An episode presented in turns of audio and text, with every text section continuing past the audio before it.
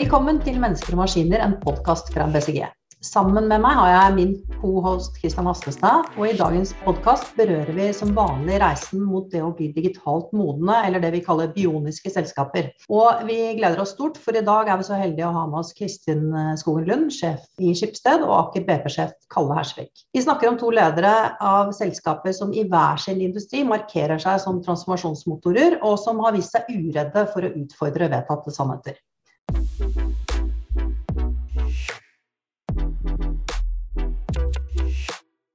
Dere er kjent for de fleste, og dere har lange og særdeles imponerende CV-er, men jeg skal veldig kort introdusere dere. Kristin Skogen Lund er konsernsjef i Skipsted. Forut for dette har hun bl.a. vært administrerende direktør i NHO, i Aftenposten og sol.no.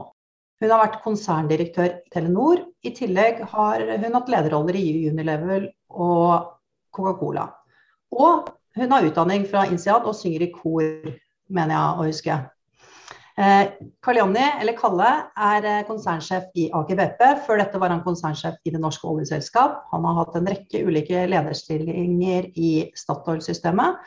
Han har utdanning i industriell matematikk og informatikk, og omtales som en uredd, usnobbete og jordnær leder. Det tror jeg egentlig går for, eh, går for dere begge.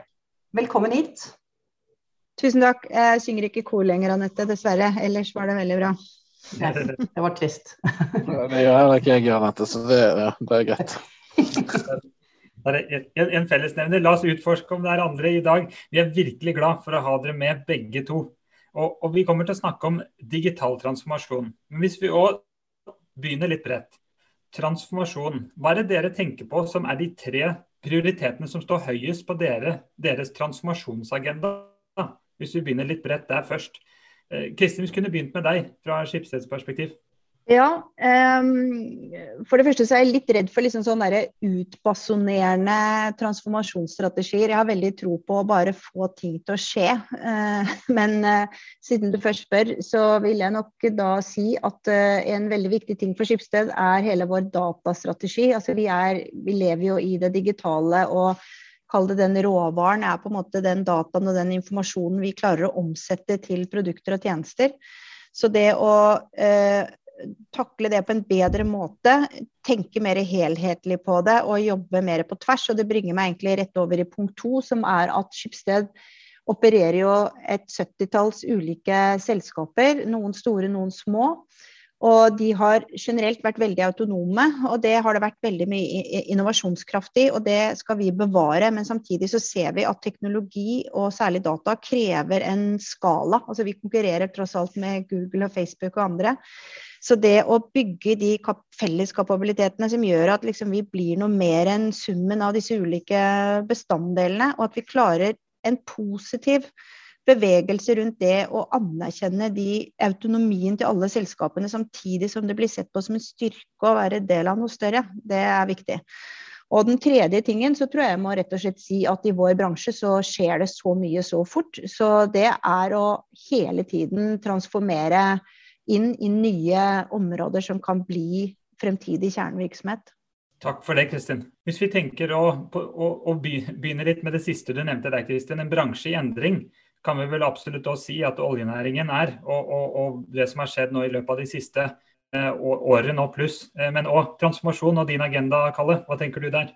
Ja, det er vel få ting som er mindre populært enn å være leder for et olje- og gasselskap i 2021. Uh, så du vinner jo ikke noen sånne popularitetskonkurranse akkurat. Nei, altså jeg, jeg tror at transformasjonsagendaer transformasjonsagenda starter jo med et veldefinert mål. Uh, altså du, du, har jo et utgangspunkt hvor du er, uansett hva du drev med, og så må du definere deg i en veldig klar to be-situasjon. Altså, og Den må kommuniseres bredt og vidt. Og og så har vi gjort det ganske enkelt. Vi skal være det ledende uavhengige olje- og gasselskapet som opererer offshore. Punktum. Uh, og Det setter jo en ganske enkel benchmark. Der, for Du finner jo alltid noen selskaper å sammenligne det med, nesten uansett hvor du er i Aker BP så er det noen som er bedre enn deg. Og hvis du skal være best, ja da er det bare å finne ut hvem som er foran deg, og så er det å begynne å løpe etter. Uh, og så kan man fra et litt mer sånn strukturelt perspektiv si hva betyr dette. da? Uh, for oljeselskap som er de egentlig, altså de aller fleste oljeselskapene er i radikal endring. Uh, enten de nå vil det eller ikke, eller de nå har akseptert det eller ikke, så er de det.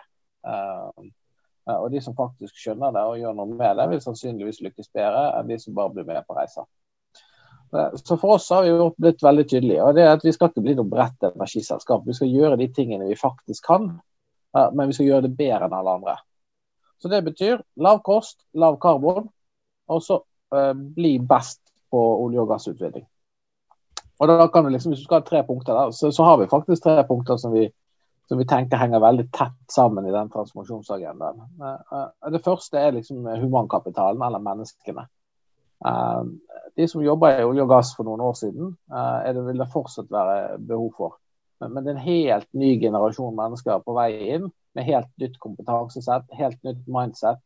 Både samhandlingskompetanse, digital kompetanse, forretningsmodeller, risikovilje osv. osv. For ikke snakke om hvilken verdibakgrunn de har.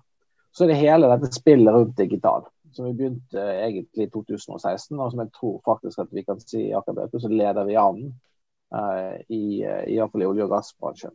Uh, og Det går jo på sånne enkle ting som hvordan ser tekstdekken din ut, hvilken arkitektur bestemmer du deg for, hvilke løsninger går du for, og, hvordan flytter du det egentlig fra det som jeg kaller som use case-tilnærming, som de aller fleste som holder på med digitalisering eh, ser på, og over til en ende-til-ende transformasjonstenkning som er langt mer kompleks.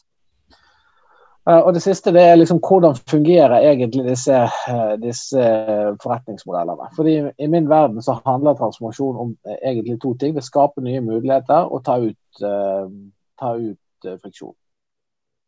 Og Disse forretningsmodellene i olje og gass er jo bygd opp over årtier langs ganske etablerte og risikoaverse strukturer.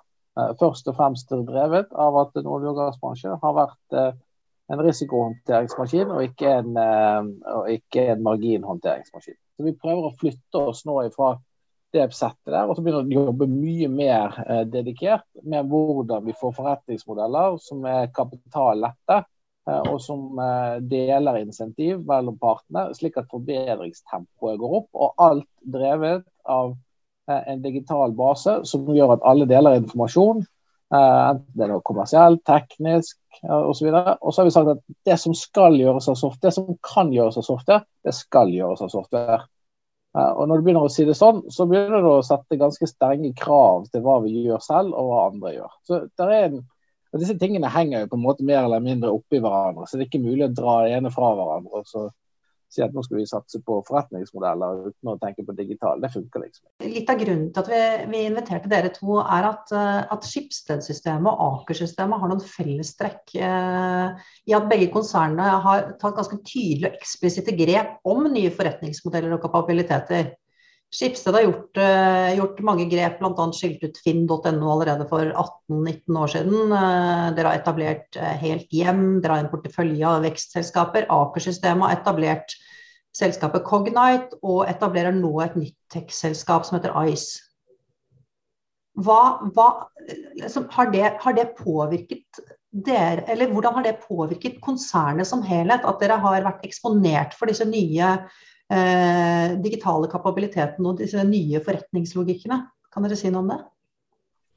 Altså For Skipsted så i hvert fall har jo det vært helt sånn eh, Det har, vært, det har virkelig vært transformerende. For vi var jo en helt tradisjonell eh, medievirksomhet. Og så da på slutten av 90-tallet så så man med internett at det ville endre mediebransjen for evig tid. Og man klarte å se litt gjennom denne veldige hypen og denne kollapsen som var akkurat rundt .com, men klarte å se de langsiktige trendene og posisjonere seg for det.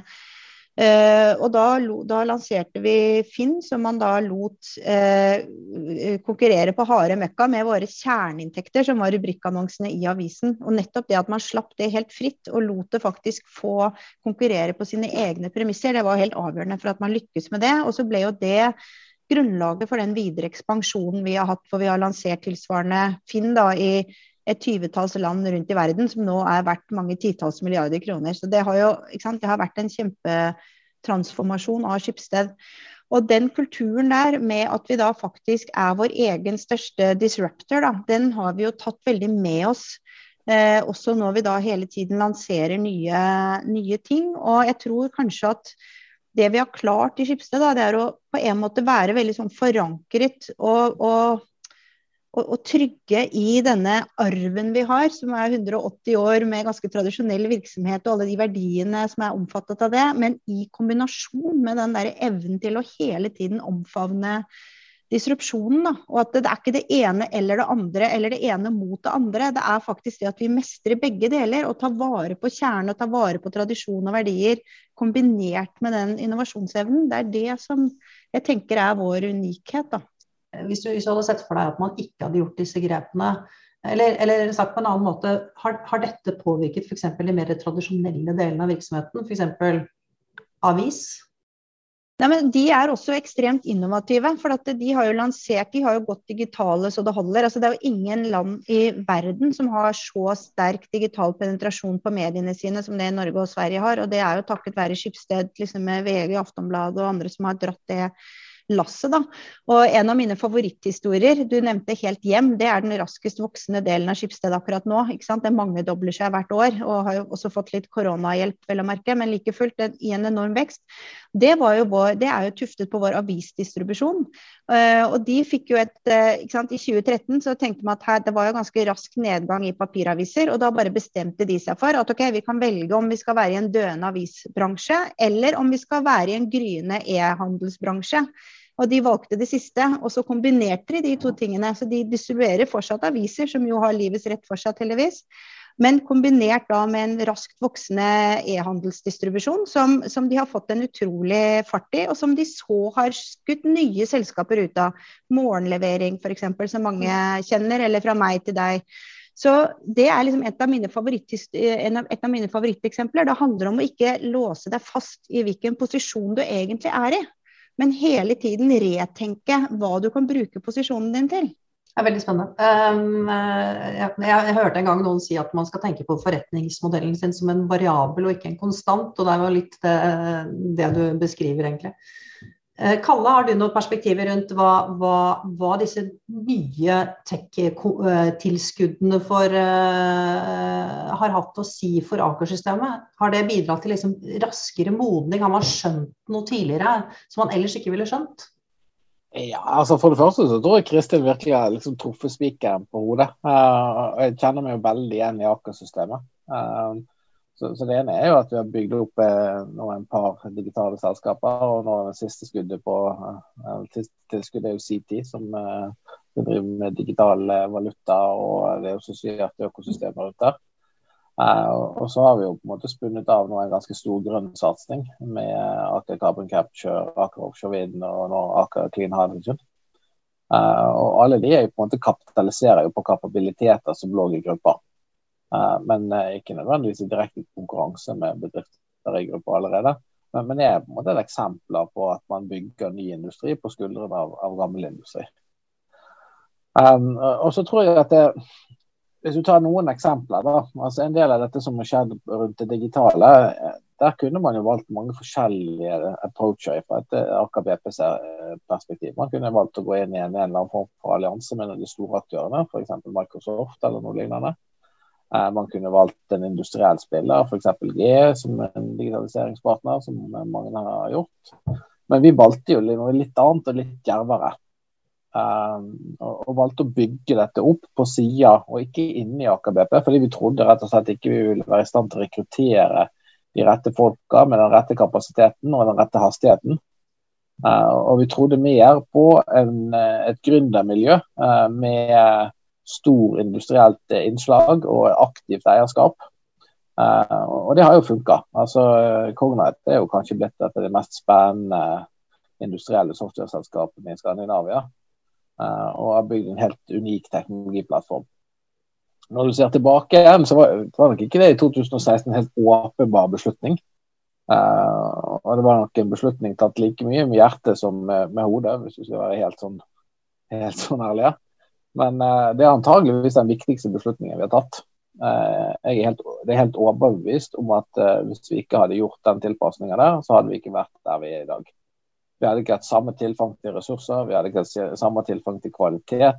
vi hadde ikke hatt den samme evnen til å produktivisere de løsningene og de ideene vi hadde. Det hadde ikke vært et miljø som kunne på en måte skyve sånn at Vi liksom dro litt Cognite etter etter oss i de første to-tre årene. Er det motsatt. sant? Så, så, du skaper en dynamikk inn i et sånt system som er utrolig viktig for å få den innovasjonsmotoren til å gå. Uh, og nå ser vi jo at en god del av de læringene som vi har nå, flytter vi over i ACE for å gjøre det samme som vi har gjort på plattformlaget, på applikasjonslaget. Um, og nå begynner vi å diskutere hvordan vi kan flytte dette over i andre vertikaler. Så, så det er klart at hele denne hele denne modellen med liksom være litt åpen i hodet i forhold til hva som, hva som driver hva. Altså, hva jeg, eh, jeg, pleier å si det sånn at det ikke er gitt når du er ferdig med en sånn prosess at uh, kjære henger bak hesten. Det kan hende at du lager en bil, og, bak der så har du en hest i faktisk en henger. Uh, så, så, det er et eller annet med liksom, det å ha litt uh, si, fleksibilitet i hvordan du tenker om samhandlingen mellom denne typen porteføljeselskaper, som er utrolig viktig.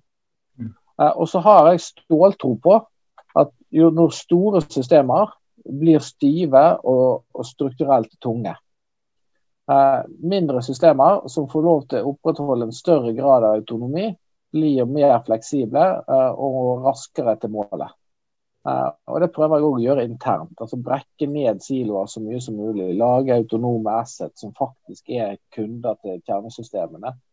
Eh, bygge agile team der vi kanskje hadde vannfallsmetodikk tidligere. Eh, akseptere høyere risiko, i, eh, for, altså risiko for at det feiler f.eks. på teknologiimplementering, for å få høyere hastighet i gjennomføringen. Men skape accountability og belønne det. Så, så akkurat de samme mekanismene som Kristin holder på med. Det er en slags compete and collaborate-type mekanisme. Men hvor, du hele tida har en åpenhet og en tillit i bunnen som gjør at du kan utveksle ideer, tanker, teknologiske ferdigheter og i noen tilfeller kompetanse og personal.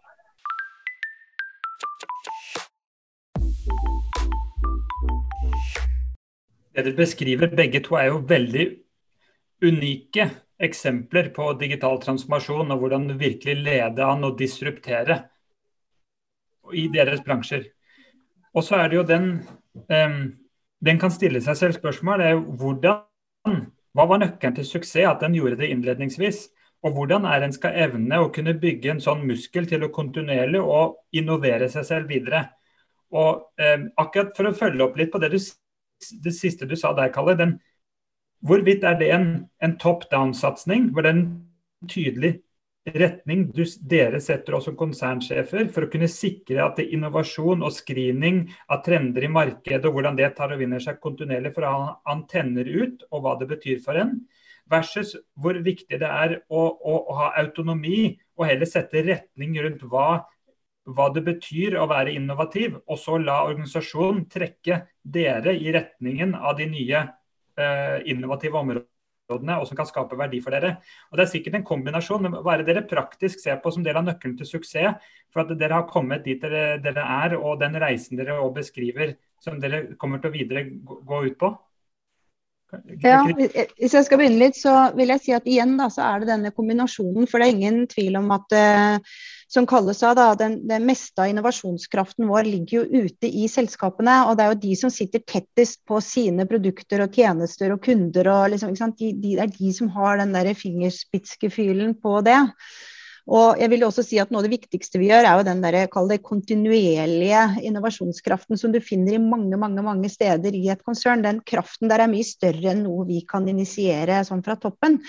Men samtidig da, så tror jeg det er viktig at man har et, eh, et, eh, et, et fellesskap, eller kall det gjerne et senter, som for det første nudger og, og, og, og allokerer kapital og liksom kan gi et ekstra trøkk eh, forbi liksom det kanskje et av disse selskapene hadde klart alene. Altså, liksom, det å ha en, det i ryggen gjør, gjør, det jo sterkere. og At vi kan sitte og, og forvalte de ressursene på best måte i totalen. Men jeg må også si at F.eks. Finn. da, altså Aftenposten hadde ikke klart å lansere Finn på den måten Skipsted klarte å lansere Finn. altså Av og til så må du fra senteret ta de virkelig store betsene. ikke sant? Vi gjorde jo en enorm transformasjon i fjor da vi kjøpte eBay Classified. altså Det kan du ikke forvente at et enkelt lite selskap i vår portefølje gjør. Så noen sånne ting må du kjøre sentralt eh, fra, da. Du, du setter ord på den. Eh det tospannet, og kunne mestre det og, og på en god måte. Hvordan, hvordan tenker du, Kala, der? Nei, altså jeg har ingen tro på at du skal kunne drive fundamental transformasjon hvis ikke toppledelsen uh, i et selskap eller et system uh, kjøper seg inn i det. Um, så, så man, man, må liksom tørre å sette mål. Man må tørre å være litt sånn snøplog i begynnelsen av en sånn transformasjon. Og, og håndtere motforestillingene og, og, og følelsen av at dette her kommer til å bli vanskelig og risikofylt og alt det greiene der. Altså, man, man, må liksom sette den retningen, grave seg ned i det og, ta den belastningen det er til å begynne med. Jeg tror rett og slett ikke det er noen mulighet om det. Og så er det viktig òg fra et sånn, og det er mer en selvstendig refleksjon fra et kompetansenivå. Altså når vi drev og diskuterte hvilken teknologileverandør vi skulle ha, eh, så måtte jeg grave meg ned i hvilken teknologiplattform som fantes der ute. Jeg brukte seks måneder av mitt liv på å reise rundt og se på demoer og snakke med CTO og dataarkitekter og, og gudene vet. Herregud, hvor mye jeg lærte. Men det gjorde meg jo kapabel til å ta den beslutningen. Eh, og gjøre det på en måte som gjør at organisasjonen skjønte at dette var en beslutning tatt på kompetanse og ikke på visjoner og drømmer. Uh, og, og, så må du, uh, fordi du klarer ikke å dra dette helt i mål alene, og så må du motivere organisasjonen til å uh, bli med deg på den reisa. og da må du skape autonomi, du må skape en kultur hvor folk får lov til å feile, fordi alle disse tiltakene kommer ikke til å lykkes. Men du må hele tida holde på rettingen, holde på de strategiske valgene og liksom drive prosessen fremover. men, men etter hvert som det får momentum, så er du nødt til å få store deler av organisasjonen eh, med deg. Og, det gjør du gjennom å skape altså, rollemodeller, eh, endringsagenter, eh, ledere nedover i organisasjonen som plutselig får rom under vingene. Så vi har f.eks. tatt ganske stor ja, noen vil si at vi har tatt ganske stor risiko i en del av de ledervalgene vi har, vi har gjort, eh, for å løfte på plass eh, personer som har de egenskapene som skal til for å gjennomføre eh, den transformasjonen. Og så, og så, er det sånn at uh, dette går jo i bølger. Så den, den visjonære lederen som kicka i gang dette her med stor vy i 2016, må kanskje være den lederen som blir ganske skarp når du nå begynner å ja, snakke om gjennomføring og begynner å, å, kjøre hardt på at ja, OK, men nå har vi testa dette, nå må vi få ut performance, nå må vi gjennomføre de tunge, vanskelige endringsprosessene som faktisk må til for å eh, få det helt i mål. Du må ta ganske krevende people-beslutninger hvis, eh, hvis, det er nødvendig osv. Så, så, så du får ikke dette til hvis du liksom tror at du har én rolle å spille, organisasjonen har én rolle å spille. Dette er et kontinuerlig samspill eh, mellom senter eller toppledelse og en engasjert og tydelig, eh, tydelig eh, organisasjon. Og så tror jeg på én ting til, og det er at bad news travel flat, eh, fast, og at organisasjonen er så flat som mulig. Um, og Jeg prøver å gjøre mitt til å gjøre den organisasjonen så flat som mulig, med å liksom grave meg ned i enkeltstående problemstillinger. Ikke over hele, organis hele organisasjonen hele tida, men liksom møte de folka som er der ute på frontline, og høre på hvordan de opplever det. Uh, og ikke ende opp i en situasjon hvor informasjon pipler pent og forsiktig oppover. Men at du får liksom røre i, røre i deigen, sånn at bollene hever godt. Det, det har jeg veldig stor tro på. Uh, så, så, det er ikke liksom, det er ikke, det er ikke noe sånn secret. Det er egentlig ikke noe sånn medisin heller. og Det er iallfall definitivt ingen oppskrift. Uh, men det er noen prinsipper, noen retningslinjer og noen balanse mellom å gjøre ting fra senter som bare, bare toppledelsen kan gjøre. Altså beslutninger som bare toppledelsen kan gjøre. Men samtidig ikke ende opp i den situasjonen at man gjør alle beslutninger. Um, men klarer å motivere til den samme typen Eh, engasjement lenger ned i organisasjonen. Veldig, veldig, interessant. Vi kommer til å komme litt mer inn på organisasjonen eh, senere. Men, men eh, litt, litt tilbake til dette med innovasjon og, og vekst. Eller, eller, forholdet mellom å transformere kjernevirksomhet og behovet for å skape ny vekst. Hva, hvordan, hvordan, hvor krevende er det å holde den balansen, og hva gjør dere for å holde den balansen? Vi har prøvd å jobbe litt sånn riktignok litt løselig, ikke så veldig slavisk, men etter en sånn der, eh, rette, en sånn regel som heter CAM-modellen. eh, Det er ikke noe vi har funnet på, jeg tror det kommer fra Harvard i sin tid. men den, Der heter det seg at 70% av verdien ligger i å forbedre kjernen. 20 i det som er A-en står for altså core, altså A-en er adjacent, og så er det 10 på new. og det, Sånn skal du omtrent fordele tid og ressurser også det, det, er ikke noe vi gjør sånn helt slavisk, men det, liksom, det gir liksom en slags pekepinn. For det, det, er veldig farlig hvis du tror at du bare skal finne på nye ting hele tiden. Altså det, er veldig viktig å ha stor respekt for at det aller viktigste du gjør, er å hele tiden drive bedre det du faktisk kan aller best, og det som er kjernen din. da. Eh, så det må ikke bikke for langt andre veien heller. Eh, men det at du har tilstrekkelig kraft i nye ting, og ikke minst dette med adjacent, som er kanskje litt dette med det jeg snakket om i sted, med å retenke posisjonene sine. At man liksom hele tiden har den derre mindset at man er mulighetsorientert. Da. Det, det tror jeg er veldig viktig, og det er ikke noe som skjer i én innovasjonsavdeling, liksom. Det er ikke en avdeling som har ansvaret for det. Altså, alle må ha ansvaret for å både drive best mulig, men også hele tiden forbedre og retenke. Hver eneste person i konsernet må ha det mindsettet. Det tror jeg er utrolig viktig. Men jeg, jeg er veldig sånn, du kan ikke vedta innovasjon. Det må få skje. Mm. Altså, jeg har jo vært en del av Skipsøysystemet selv. og jeg Altså det, det, er jo en ting som, eh, som jeg syns er ganske sånn karakteristisk for Skipsstedsystemet. Og det er jo eh, den organisasjonen jeg kjenner eh, best, selvsagt, så jeg har jo en stor blind spot der.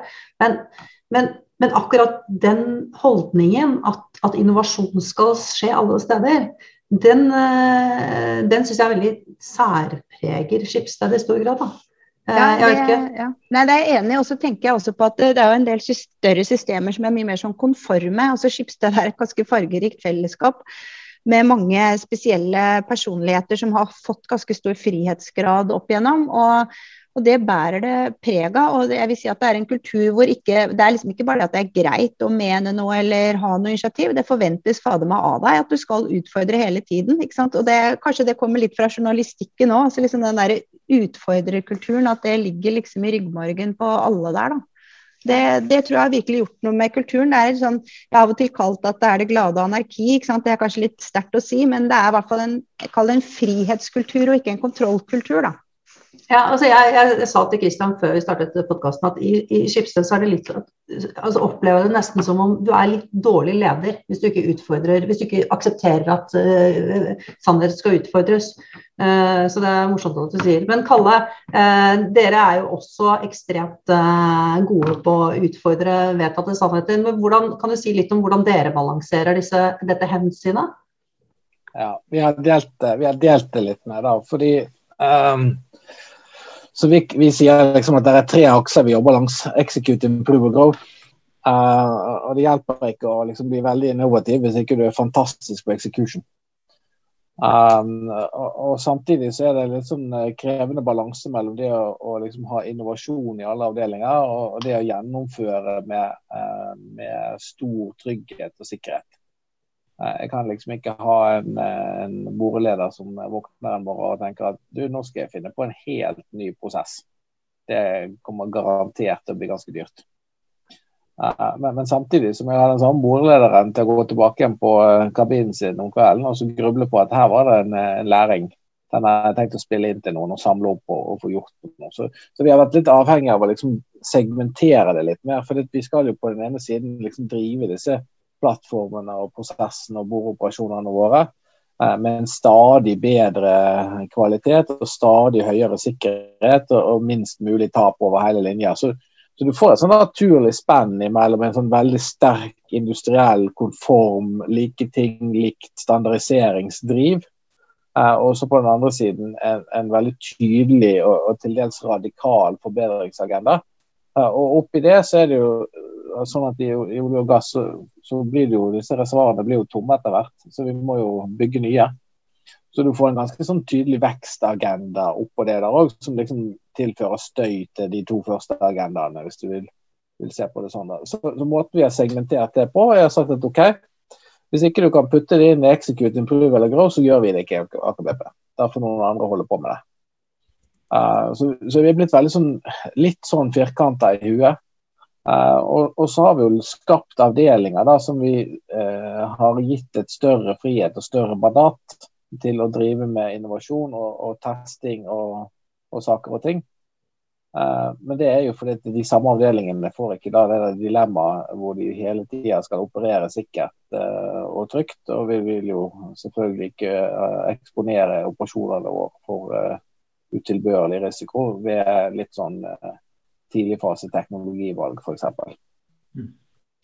Så hos oss er dette ganske strukturert. altså Akkurat den biten av innovasjon er ganske strukturert og ganske gjennomtenkt. Hva er mest utfordrende? Å kjerne, eh, transformere kjernen eller skape ny vekst?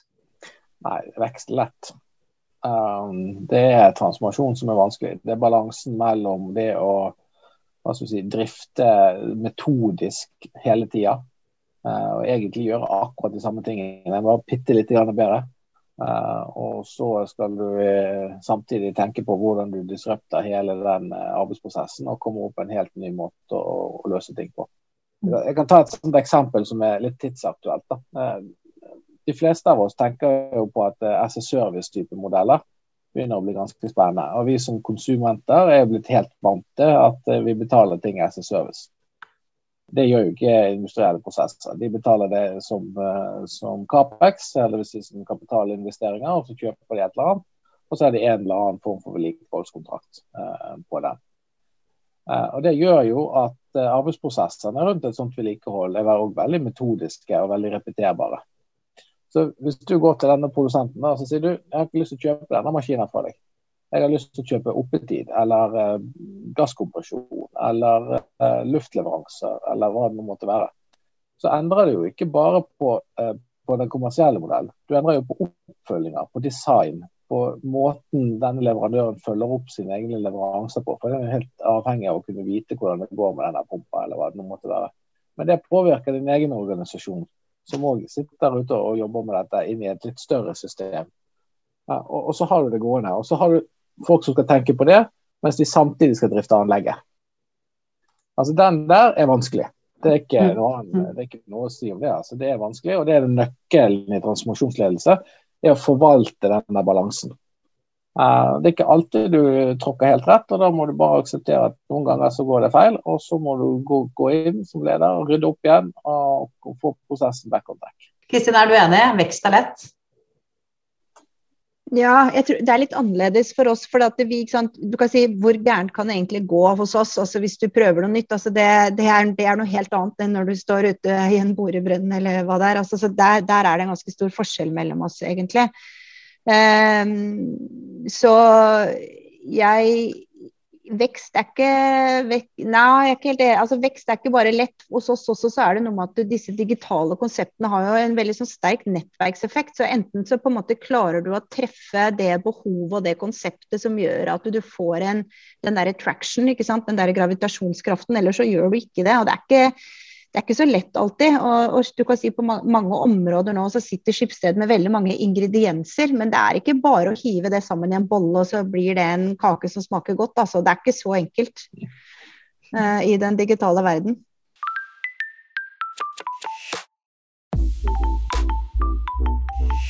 Du, uh, I våre studier viser at, um, at digitale vinnere kjennetegnes av at de tar bold bets. Store bold bets. Uh, og, og Skipsted kjøpte nylig eh, eBay Classifieds. Mm. Eh, og, og Aker-systemet fremstår også ganske modige. Er dette, er dette, viktig for dere? Er det en viktig del av kulturen deres å gjøre dette? Og hvordan har det blitt sånn? Ja, Hvordan det er blitt sånn, vet jeg egentlig ikke. Men at det er en viktig del av kulturen, er definitivt riktig. På mange måter så kan jeg pleier å si at sånne bold bets de fungerer på alle nivåer i organisasjonen det er noe med djervhet i beslutningstakinga. Um, og samtidig forståelsen for risiko i den samme beslutningstakinga som er utrolig viktig. Så jeg har et, et sånt bilde som jeg ofte har på, på uh, når man lykkes med denne typen ting. At Det er liksom to krefter som er motstridende. Du har den kreative, innovative, framtidsrettede, risikovillige. Altså den driven der. Og så har du det litt mer industrielle, eh, kanskje mer risikoaverse, gjennomføringsorienterte. Når du får til gode samspill mellom de to kreftene, så kan du ta mye djerve bets. Fordi du får en mye tydeligere, mer granulær diskusjon. Du blir mer informert om risikoen i det du gjør, og dermed kan du bygge opp større barrierer mot uønskede hendelser eller uønskede utfall. Um, havner du i en av de der grøftene, så havner du i industrielle grøfter, så tar det som regel for lang tid. Det går for seint. Uh, havner du i den grøfta hvor uh, de kreative, innovative kreftene er, regjerer helt uten hindringer, uh, ja, du tar nok bold bats, men du er ikke like informert. Så sannsynligheten for det, at det er feil, er større. Så jeg tror Nøkkelen er å balansere det. og Derfor tror jeg vellykkede systemer som Skipsted og Aker, det er dette med at de bygger på en lang tradisjon. De bygger på de der kreftene som har fått lov til å bryne seg på hverandre over lang, lang tid. Eh, og de er drevet av ledere som, eh, som liker motforestillinger, liker eh, komplekse diskusjoner og engasjerer seg i dem og oppmuntrer til dem. Da får du gode beslutningsprosesser. Og da kan ledere som jeg eller andre i Aker-systemet med større komfort ta mye større steg, eller det du kaller for bold bets. Og så tror jeg ikke det, det, det er ekstremt vanskelig å kopiere. For det er kulturelt betinget, og ikke systemisk. Altså, Du kunne ikke gått inn og så intervjue en masse ledere i verken Aker eller Schibsted, tror jeg, og, og, så kopiert det ved å ha satt opp et system med komiteer og Eh, boards og gudene veit. Du, du, hadde rett og slett ikke fått det til. Du må bygge denne kulturen gjennom atferd, gjennom handlinger og gjennom repetitivt å, holde på med det. Og så tror jeg du må være pretty preoccupied with failures. Altså Du må grave deg ned i de tingene som går galt, ta ansvaret for dem og løfte de opp, sånn at du får den læringa spredd ut i organisasjonen og spredd ut blant beslutningstakerne. Og, og tørre å liksom ta livet av de prosessene som viste seg å, å være feil. Eh, selv om det kan være, være, smertefullt. Da kan du tørre å ta bold bets, som du sier. Mm. Det var, jeg synes det var en kjempefin måte å beskrive det jeg prøvde å si i sted. dette med at det, kanskje liksom Noe av det secret sauce da er nettopp det å klare å kombinere den lange tradisjonen og den solide kjernen med det innovative og disruptive. Akkurat den kombinasjonen er det som gjør det, egentlig. Ikke det ene, ikke det andre, men, men det, det vellykkede samarbeidet derimellom. Da. Det syns jeg du sa veldig bra der, Kalle. Jeg tror Skipsted har jo på mange måter alltid liksom Vi har, liksom, akkurat, vi har meldt oss på i en uh, vektklasse eller en uh, det, divisjon over vår egen hele tiden. på en måte. Vi har liksom alltid punched above our league litt. Da. Og, det, det, og så har vi jo fått til det, da, og da etter en stund så hører du hjemme i den divisjonen. ikke sant? Og da er det på tide å kanskje ta steget opp enda en divisjon. Så liksom, vi har hatt litt det der mindsettet. Og for 20 år siden så var jo vi halvparten så store som Bonnier i Sverige og Sanoma i Finland, som liksom er de tilsvarende medieselskapene der borte. Da. Og nå tror jeg Skipsted er verdt 20 ganger mer enn dem. eller noe sånt. Så det er, det, det er, jo, det er jo en konsekvens av at vi hele tiden har gjort det der. da. Og, og, hvorfor blir det sånn? Det er, jo, det er jo ofte enkelt Jeg kan jo spore i hvert fall noe av det tilbake til veldig djerve enkeltpersoner eh, som satt i ledelsen eh, tidligere, og forhåpentligvis noen av oss som sitter der fortsatt. Men liksom det, det, den, si, den kulturen ble jo skapt for mange år siden. Og ikke minst et styre og en eierstruktur hvor du har hatt en, en ankerinvestor som har vært veldig langsiktig, og som har alltid tenkt stort da, på vegne av selskapet og hatt den evnen. Så vi har liksom alltid, har liksom alltid blitt heiet frem og ikke blitt eh, trukket ned som eh, galskap og sånn. Eh, og så har det vært flinke folk som har skjønt hva de holder på med. Så vi har jo vi har ikke truffet, langt fra truffet på alt vi har gjort. Vi har bomma masse, men vi har jo truffet, på, vi har truffet mer enn vi har bommet, da. Ja, det er kanskje litt uh, sentralt punkt. Uh, men, men, det var et par tema jeg syns det er verdt å ekspandere litt på. Um, dette med et uh, involvert og tydelig eierskap tror jeg egentlig er ganske undervurdert. Uh, både Skipsted og Aker har hatt eierskap som har liksom vært djerve og resultatorientert og drevne. Um, det, det, tror jeg er litt at du ser denne typen systemer med denne typen eiere. de der, endrer du òg med organisasjoner og ledere nedover i, i rekkene, som på en måte eh, skjønner at de, de, får lov til å ta denne typen. De får lov til å utfordre. De, de, det liksom, som Kristin sa, det blir ikke avfeid som galskap, det blir avfeid som ganske interessante debatter, selv om ikke alt blir noe av. Mm. Uh, og så tror jeg det var Det andre som jeg beit meg litt sånn merke i, er jo at hvis du, hvis du virkelig liksom holder på med dette her, det å ha en posisjon å forsvare, en helt annen diskusjon å ha enn det å være en liten underdog. Altså Skal du virkelig transformere noen ting, så tror jeg det er en grunn til at disse selskapene kommer utenfra. Det er veldig sjelden at det er liksom industrilederne i sin bransje som på en måte transformerer den industrien. Og det er fordi man har egentlig bare to valg for å ta denne top dog-posisjonen. Enten så må man bli bedre enn den eksisterende top doggen på det han er best eller hun er best på. Det er ganske vanskelig, iallfall i industri, fordi du har store synergieffekter og skalaeffekter. den type ting. Eller så må du prøve å transformere og konkurrere vedkommende ut å endre prosessen, endre spillereglene. Sånn. Og De fleste som sitter og gjør litt eh, analyse, de konkluderer med at eh, den eneste muligheten er altså å gjøre nummer to. Og, og Da får du òg en strukturell driv i retning transformasjon. Dette er jo egentlig ganske mye sånn forskning på, men det er ganske interessant å oppleve hvor viktig det er å komme unnafra når du skal utfordre. Eh, og, og, Jeg satt jo som, som CTO i Equinor hvor vanskelig det er eh, når du egentlig har mest å tape. Eh, og eh, egentlig ikke er så mange foran deg i den køen der. Det er inspirerende det her, men det er jo òg da punching above the league og go hunt the big dogs. Det er noen ting vi tar med oss her.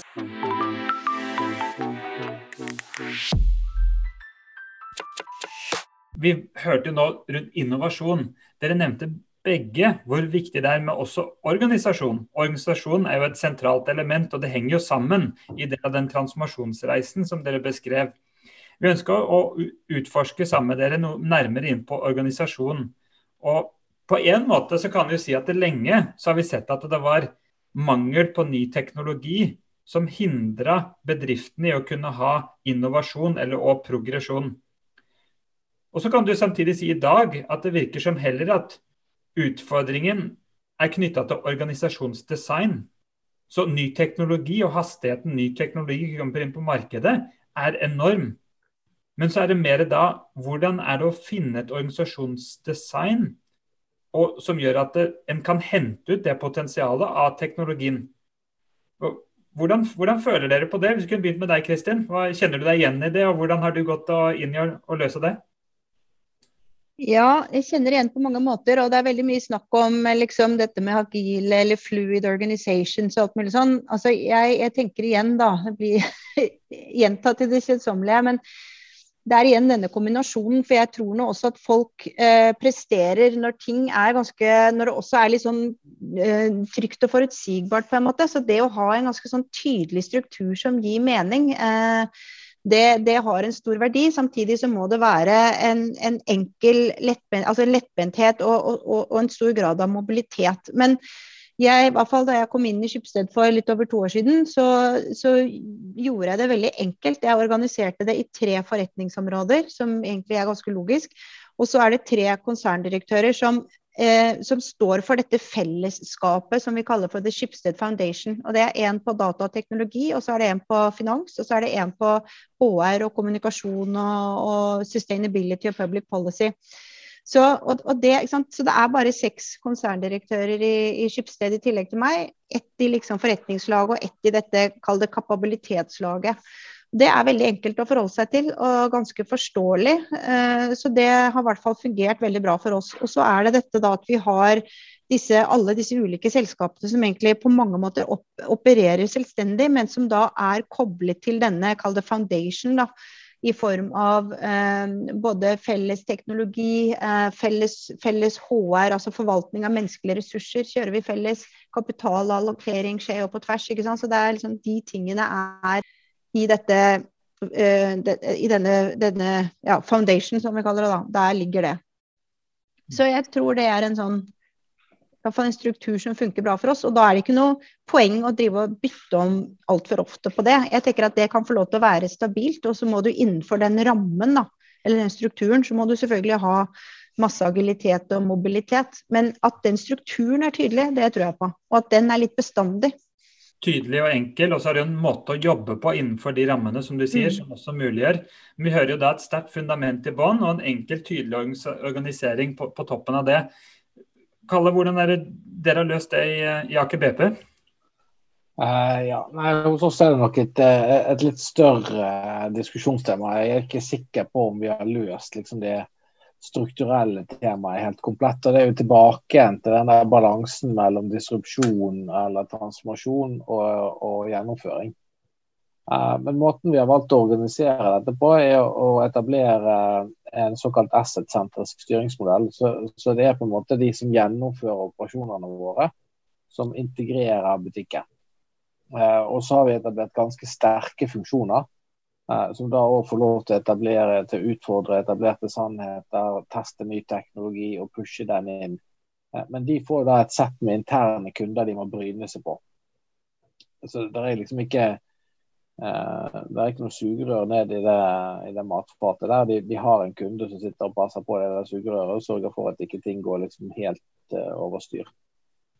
Um, og så er jo denne balansen mellom klarer klare å gjennomføre altså Dette er jo en olje og gass er jo en uh, svært risikoavers bransje, og, og, det skal vi være veldig veldig glad for.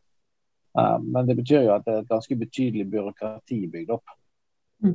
så det å få en slags, en slags balanse mellom agilitet, utfordring og, og, samtidig ha prosesskontroll og, barriere, og, barrierekontroll på det du holder på med, det er en ganske kompleks organisatorisk utfordring. Uh, og vi har nok endt opp med å endre organisasjon ganske ofte. Um, og Det er kanskje en av de tingene som jeg angrer litt på. Uh, at vi har eksperimentert med for mange organisatoriske endringer. Uh, og Dermed så, så blir det et sånt endringstrøtthet som ikke alltid liksom drar i, i lengderetning. men hvis du skal se litt eksternt ifra, så syns jeg det er faktisk et av de mer komplekse en av de mer komplekse utfordringene å håndtere. Kan jeg få skyte inn noe her? fordi akkurat det der eh, sånn, Det hadde vi litt i Skipsted òg. fordi der er det også, Vi har endret den kalde grunnstrukturen litt for ofte. altså Vi var eh, geografisk eh, eh, organisert, og så var det One Company, og så var vi divisjonsorganisert. Og, så, så, og, og, det kan du ikke gjøre for ofte, rett og slett. Det blir for, eh, det, det blir for opprivende og slitsomt for en organisasjon. og, så det vi har også egentlig hatt det der du sier der, Kalle, da, med at eh, det, vi, det utviklet seg en trøtthet. Og Derfor så har det vært viktig å prøve å holde fast ved denne grunnmodellen nå. At den er rett og slett ses på som litt bestandig over tid. Og over tid er i hvert fall noen år. Mm. Ja, så vi er, vi er, egentlig helt enige om det. Så, så nå har vi liksom holdt dette holdt dette litt fast. Uh, og er egentlig litt allergisk mot organisatoriske endringer, selv om det klart kommer opp forslag til justeringer. Så har vi blitt uh, mer opptatt av hvordan vi samhandler, hvordan vi løser ting uh, som et one team-type tenkning, enn hvordan de ulike strukturene nødvendigvis ser ut i morfologien. Mm. For akkurat det der er jo veldig Det, det tror jeg mange selskaper og stiller seg selv spørsmålet, og vi hører jo fra dere begge. Enkel organisering, noe fundament i bånn, men unngå òg for mange justeringer. Og det kan det være en risiko for med hyppigheten av endring i omverdenen Men så hører vi da begge dere si det er viktig da å kunne tenke hvordan vi tilpasser en styringsmodell, en arbeidsmetodikk, en organisasjonskultur for å kunne ta det imot. Eh, og der kan du jo ofte si digitalt fødte selskaper har en annen måte å drive det på enn helt klart de store, etablerte selskapene. Og med det har de òg en enda enklere tilnærming og, og, og, måte å realisere kundeorientering, tilpasningsevne. Um, og, og, Hvordan er det dere står akkurat i den spagaten der, for å kunne gjøre det for dere, som er jo begge to kan vi jo ansi som store etablerte selskaper? Et økosystem av det? En måte vi har løst det på, er at vi har, si, vi har et slags usynlig lag mellom foundation og forretningsområdene. og det er disse, et slags tjenestelag. Da. Altså ting vi gjør sammen. F.eks. advertising, da, eller rek reklame-advertising i Skipsted kjøres ett sted. Det kjøres fra mediedivisjonen, men det dekker alt. Så liksom, hvis du skal kjøpe en annonse på Finn, så er det den sentrale annonseorganisasjonen som gjør det. Det samme gjelder abonnementsmaskinen vår, det gjelder denne datahåndteringen som jeg snakket om, og det, og, det, og det, gjelder også alle integrasjoner. Når jeg sier data, så mener jeg sånne ting som at vi har felles identitet, uh, Schibsted account, Schibsted payment, alle disse tingene. Så, uh, og, og det, det, er liksom konkrete tjenester som leveres ut, da, men som gjøres helt på, felles på tvers. Men vi har ikke omorganisert av den grunn. Eh, det ligger der som et slags usynlig lag, og så jobber vi på tvers med innsatsressurser. I noen tilfeller er det én divisjon som driver det på vegne av alle, i andre tilfeller så er det rett og slett folk på tvers. som, eh, som har ansvaret sammen. Men vi endrer ikke det kartet av den grunn. Ja, altså, vi holder det enkelt. For det jeg hører dere si, er at dere, dere, dere eh, har, har, kommet til etter mye eh, flere endringer at dere må ha enkle strukturer, og at innenfor de strukturene og, og på tvers av de eh, må dere jobbe agilt og, og, og kryssfunksjonelt vi, det vi ser er jo at, at det går litt tilbake til en smidig, agil metodikk. Den, det vi ser er jo at den starter vanligvis nedenfra, og den starter øh, vanligvis med utbredelse i teknologimiljøene. Men nå ser vi at flere og flere organisasjoner skalerer det, eller tar det ut til andre deler av virksomheten som ikke lenger handler om uh, Altså de tar prinsippene, de agile prinsippene og mindsettet ut til hele virksomheten. Kan dere si noe om hva, hvor er dere på denne reisen? Vi, vi, I BSG så har vi en sånn modningstrapp, rett og slett, eh, som sier hvor er det bedrifter er. Kan dere tenke litt høyt om det? Ja, hvordan har du kompensert Hvis jeg svarer på det første spørsmålet først, da, hvordan har du kompensert, altså Vi har innført dette one team-begrepet. Uh, og det er litt sånn at uh, Vi jobber alle i Aker BP. Uh, så om du jobber i den ene divisjonen eller den andre divisjonen eller en BU eller et asset, det spiller egentlig ikke noen rolle. Det er sånn If you see it, you own it. Eh, så tvinger du folk til å gjøre seg kjent i organisasjonen osv. Og så jobber vi ganske målrettet med å liksom forenkle interfacene eh, mellom de ulike elementene i organisasjonen. Nei, altså dette med agilt det er jo blitt en hit. Eh, litt sånn, Jeg fleiper litt med det, for det føles litt som en fad. Um, så, så, det er jo folk i Aker BP som sier du får ikke gjort noen ting i Aker BP hvis ikke du kjører en sprint.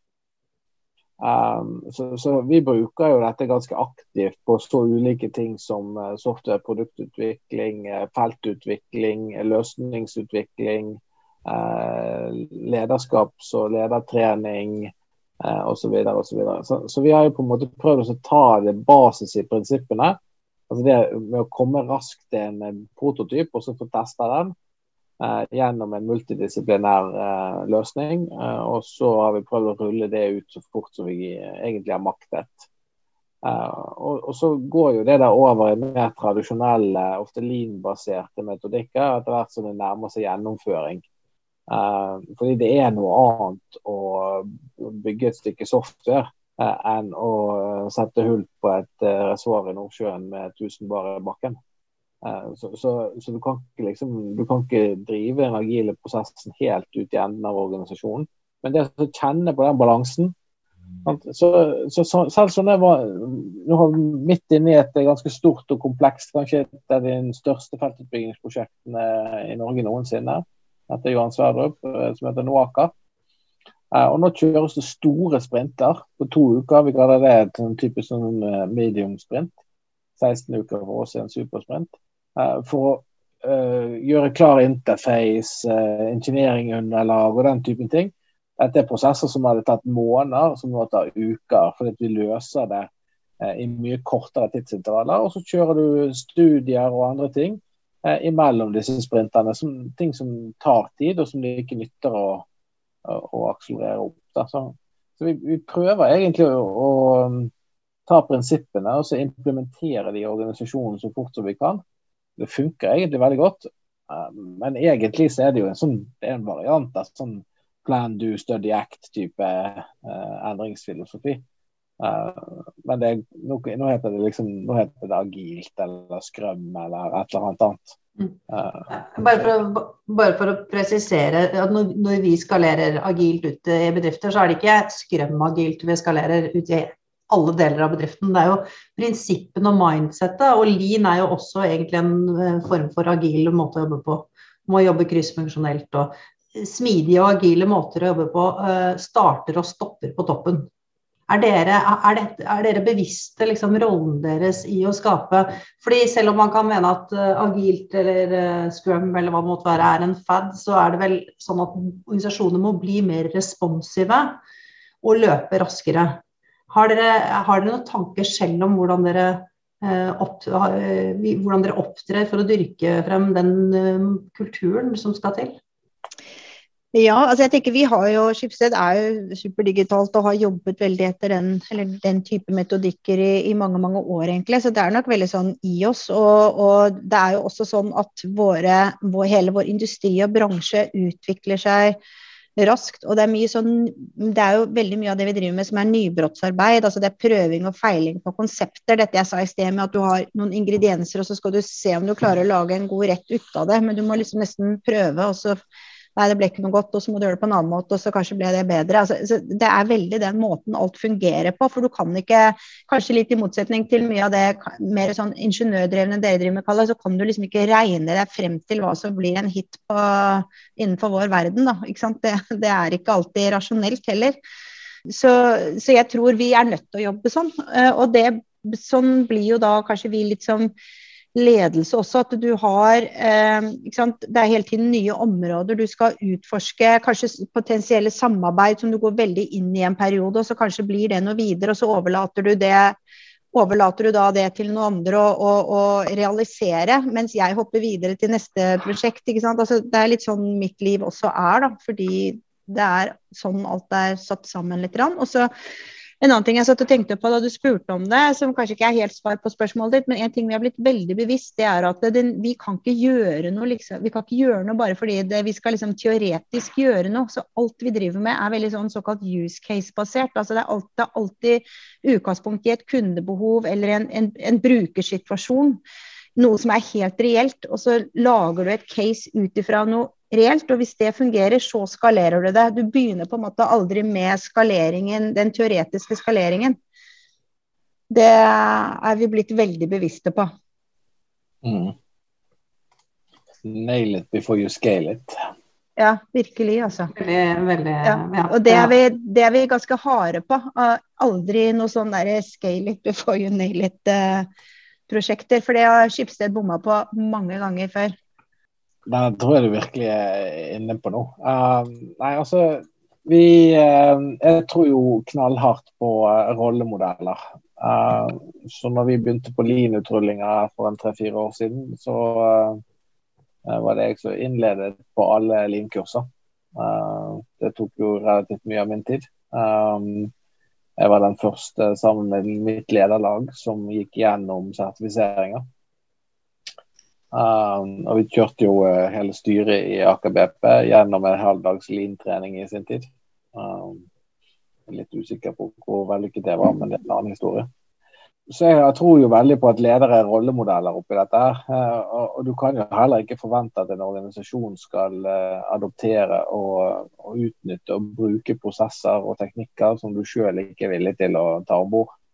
Eh, så, så, eh, jeg har gjort det samme på, på agilt. Eh, så Det betyr at du er med på demo, du er med på daily standups. så du, du, hva er det jeg sier det på engelsk? Immerse yourself mm. uh, i dette. Så, så, jeg tror arbeidsprosesser og måten å tenke på er veldig viktig. Men, men, men det, når jeg sier at det er en Fed, så er det noen som tror at det, hvis de bare blir agile, da fikser alt seg. Og det er jo slett ikke sant. Uh, det er jo som at du kan kjøpe en skiftenøkkel i en hvilken som helst svertebutikk, men blir ikke en fantastisk mm. mekaniker av den grunn. Så, så, det er et eller annet liksom med at uh, metode, løsningsmetode, problemdefinisjon, kultur, organisasjon, alt henger sammen. Og så tror jeg knallhardt på det som, uh, som uh, Kristin her er inne på, dette med å liksom skjønne noe til bunns før du faktisk gir gass og skalerer. Eh, og jeg tror de, de stedene vi har feila, så har vi liksom eh, gått for hardt til verks. Men samtidig så er det en slags balanse mellom denne, iallfall i, industrielle prosesser, mellom dette use case-fokuset og den ende-til-ende-transformasjonen, som er ganske interessant. Uh, og Vi begynte jo i 2016 med dette eh, på et ganske sånn lite nivå. Jeg tror det var 20 stykker som holdt på med det, undertegnede inkludert. Uh, og, har vel inntil nå løst kanskje en 200 use caser eller så. Men det betyr ikke at det å ta de use casene og sette de sammen til en prosess, og så tro at du har transformert en, en businessprosess, det funker ikke. Uh, det var ganske dyr og ganske kompleks læring uh, å skjønne at du måtte faktisk gå løs på denne prosessen med et mye mer fundamentalt mindset. Selv om du hadde med høy grad av suksess kunne løse enkeltproblemer ute i organisasjonen gjennom use case eller MVP-type tilnærming. Og, og, lage løsninger som faktisk fikser det.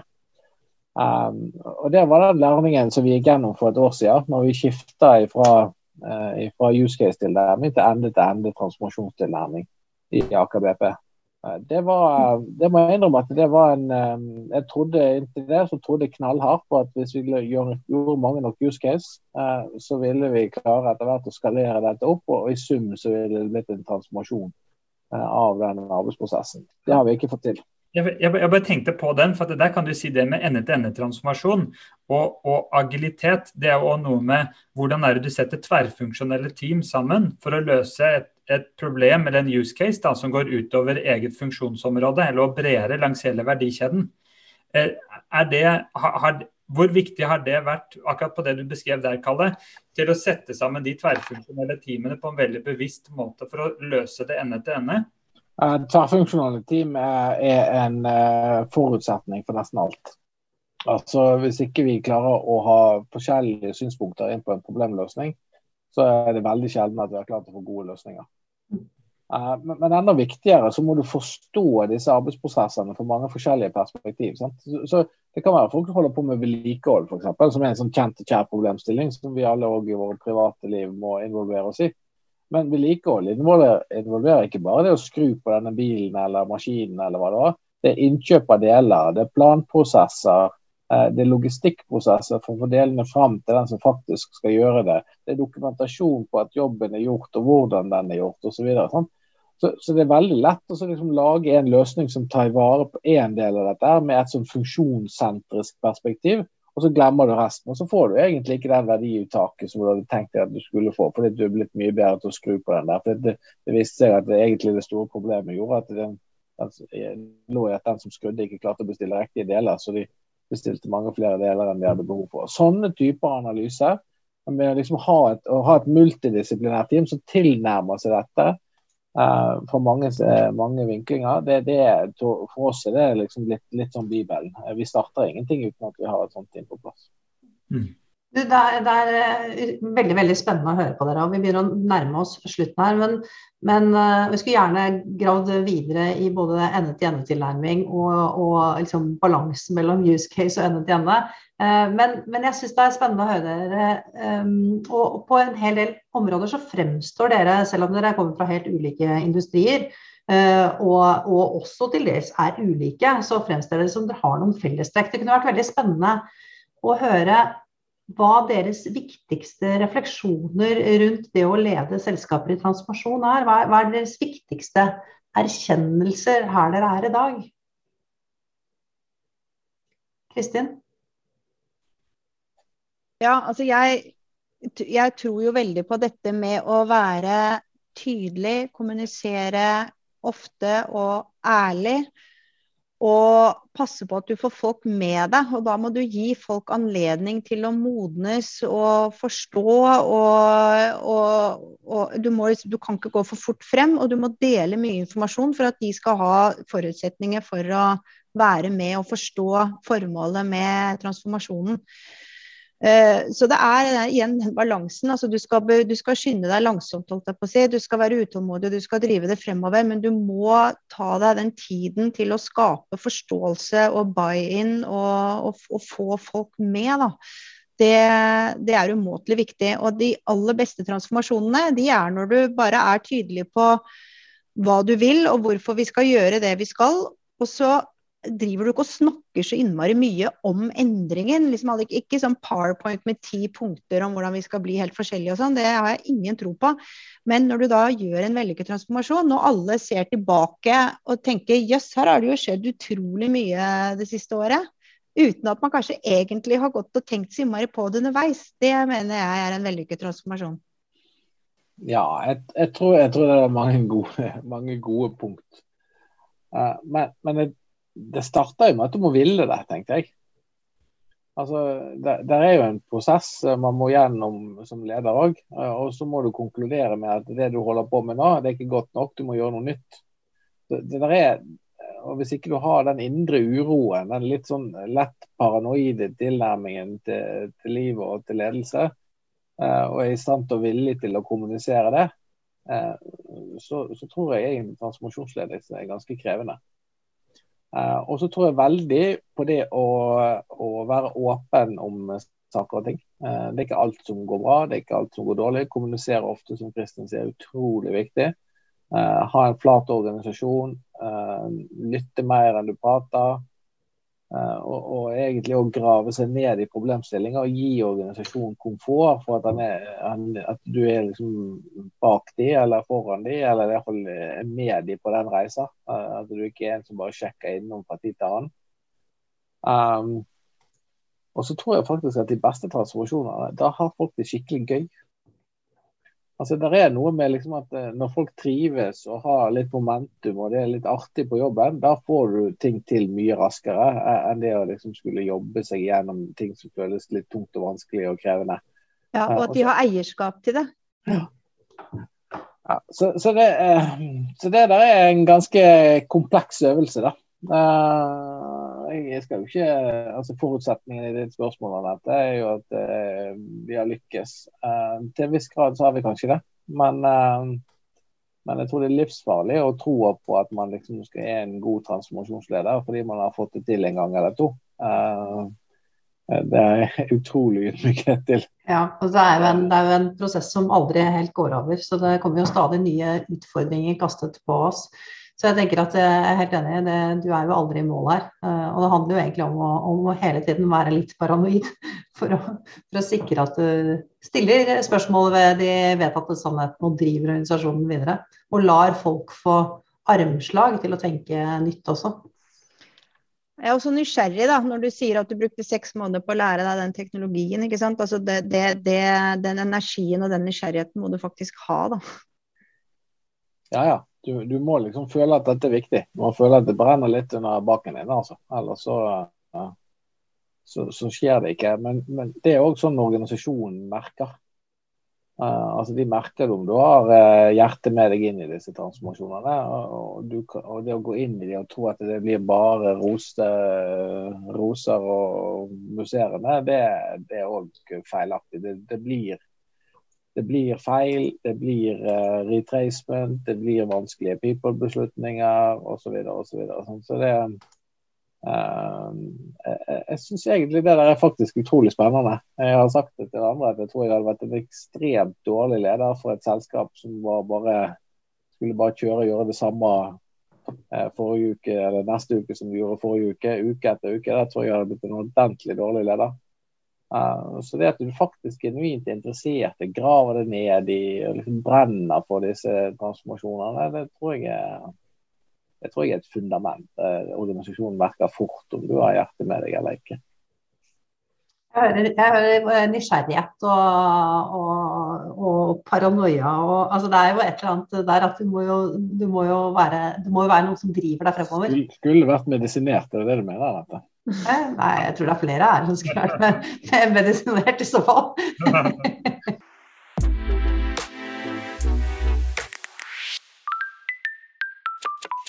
Dere sitter jo som ledere for to fantastiske selskap i dag.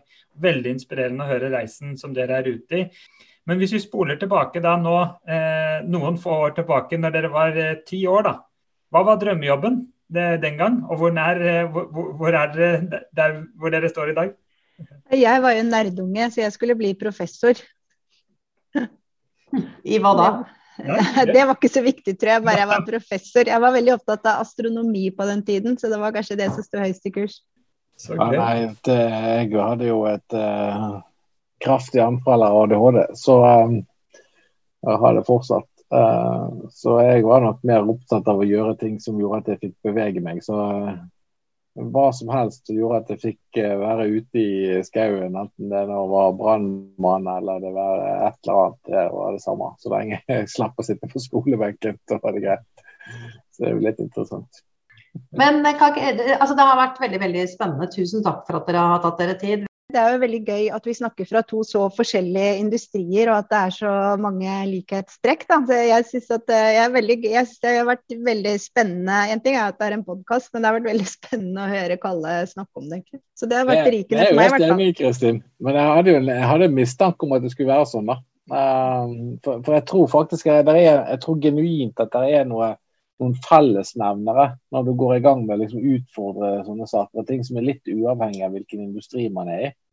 Og så er det noen sånne tilpasninger som du må gjøre for å ikke kjøre bilen helt av veien. Da. Men nei, jeg syns dette var egentlig veldig kult.